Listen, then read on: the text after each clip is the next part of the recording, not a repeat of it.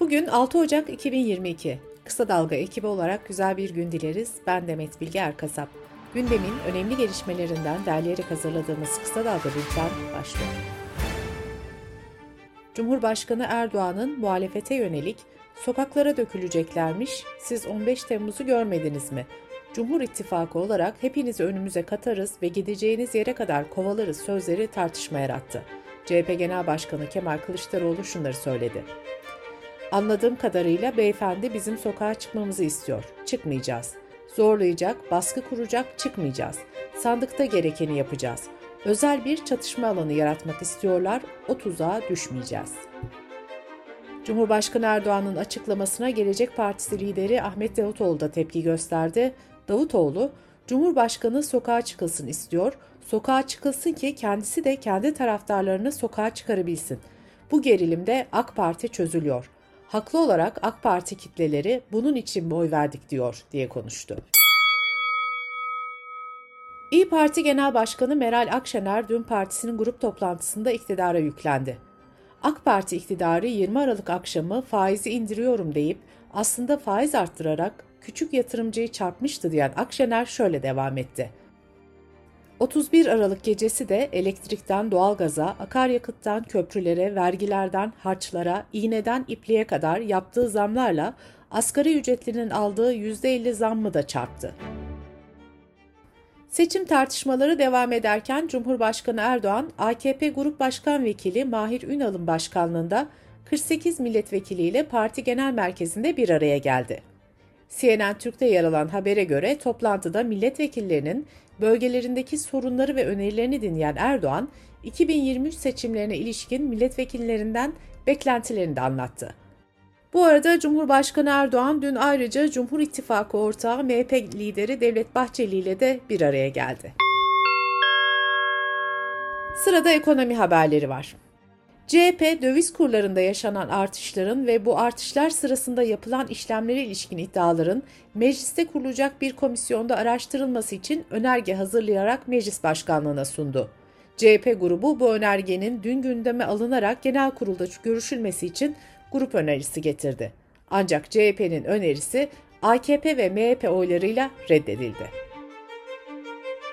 Doğalgaza gelen zamlarla birlikte faturasını ödeyemeyenlerin sayısında dikkat çekici artışlar ortaya çıktı. CHP Ankara Milletvekili Nihat Yeşil'in soru önergesini yanıtlayan Enerji ve Tabi Kaynaklar Bakanı Fatih Dönmez'in verdiği bilgiye göre 2020 yılında faturasını zamanında ödeyemediği için 779.274 abonenin doğalgazı kesilirken bu sayı 2021 yılının ilk 8 ayında 914.193'e ulaştı. İzmir Eczacılar Odası Başkanı Tuncay Sayılkan, ilaç sektöründe sıkıntıların arttığını söyledi. Sayılkan, grip, soğuk algınlığı, tansiyon ve kalp ilaçlarında yokluk yaşanıyor. Her üç ilaçtan biri için yok demek durumunda kalıyoruz dedi.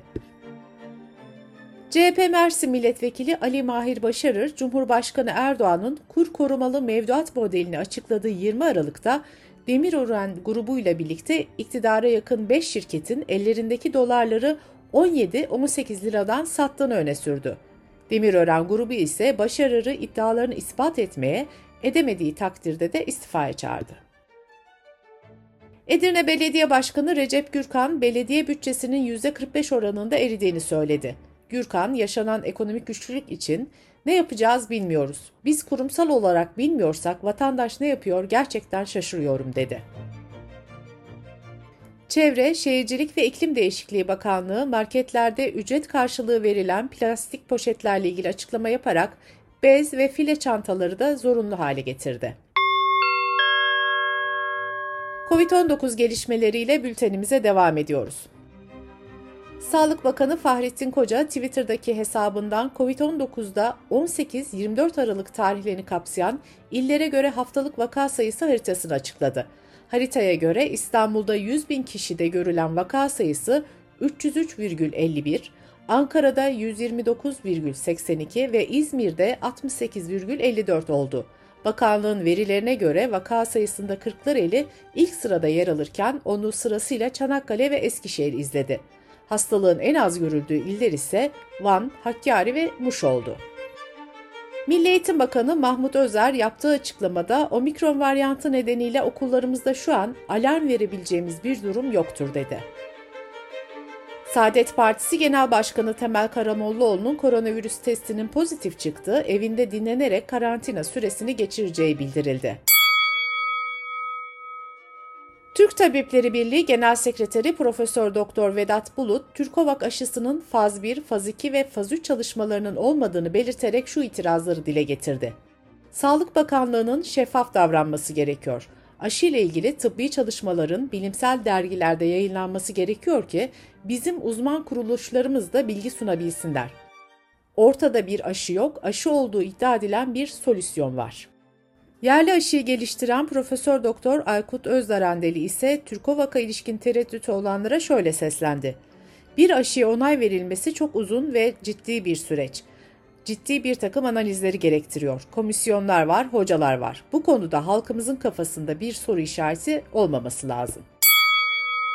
Ankara Şehir Hastanesi Acil Tıp Kliniği eğitim sorumlusu Profesör Doktor Hakan Oğuztürk, COVID-19'un omikron varyantı ile grip belirtilerinin benzerliğine işaret ederek şunları söyledi. Eğer öğrencinin herhangi bir şikayeti varsa şüpheli bir durum söz konusu ise kesinlikle okula gönderilmemesi gerekiyor. Orta Avrupa'da vaka sayıları artış göstermeye devam ediyor. Özellikle Fransa ve İngiltere'de günlük vaka sayıları 200 bini geçti. Fransa, İngiltere, Almanya, İspanya ve İtalya'da günlük can kaybı ise 1100'ün üzerine çıktı. Dış politika ve dünyadan gelişmelerle devam ediyoruz. Kazakistan'da hükümetin akaryakıt fiyatlarına zam yapması binlerce kişi tarafından protesto edildi.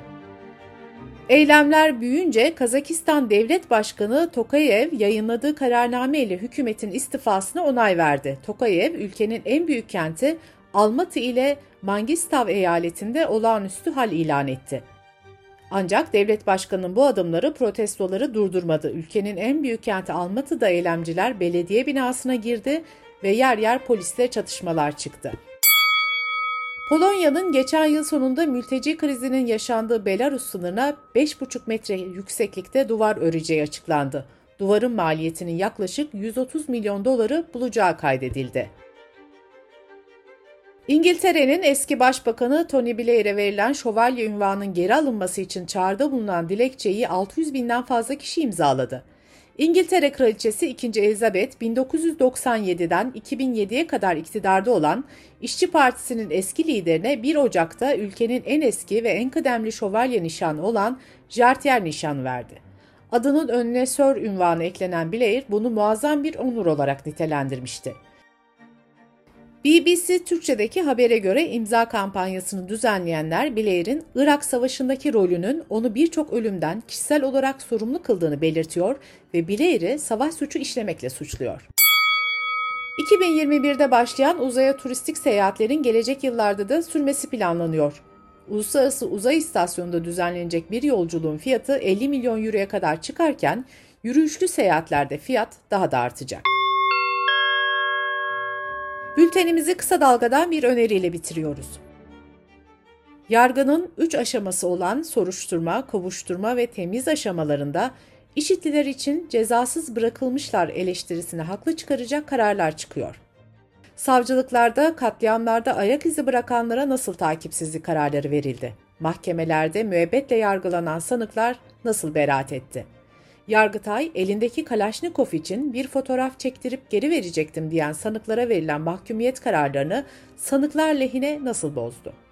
Ersan Atar, yargı terazisindeki işi de avukat Senem Doğanoğlu ve avukat Erkan Ünüvar'la konuşuyor.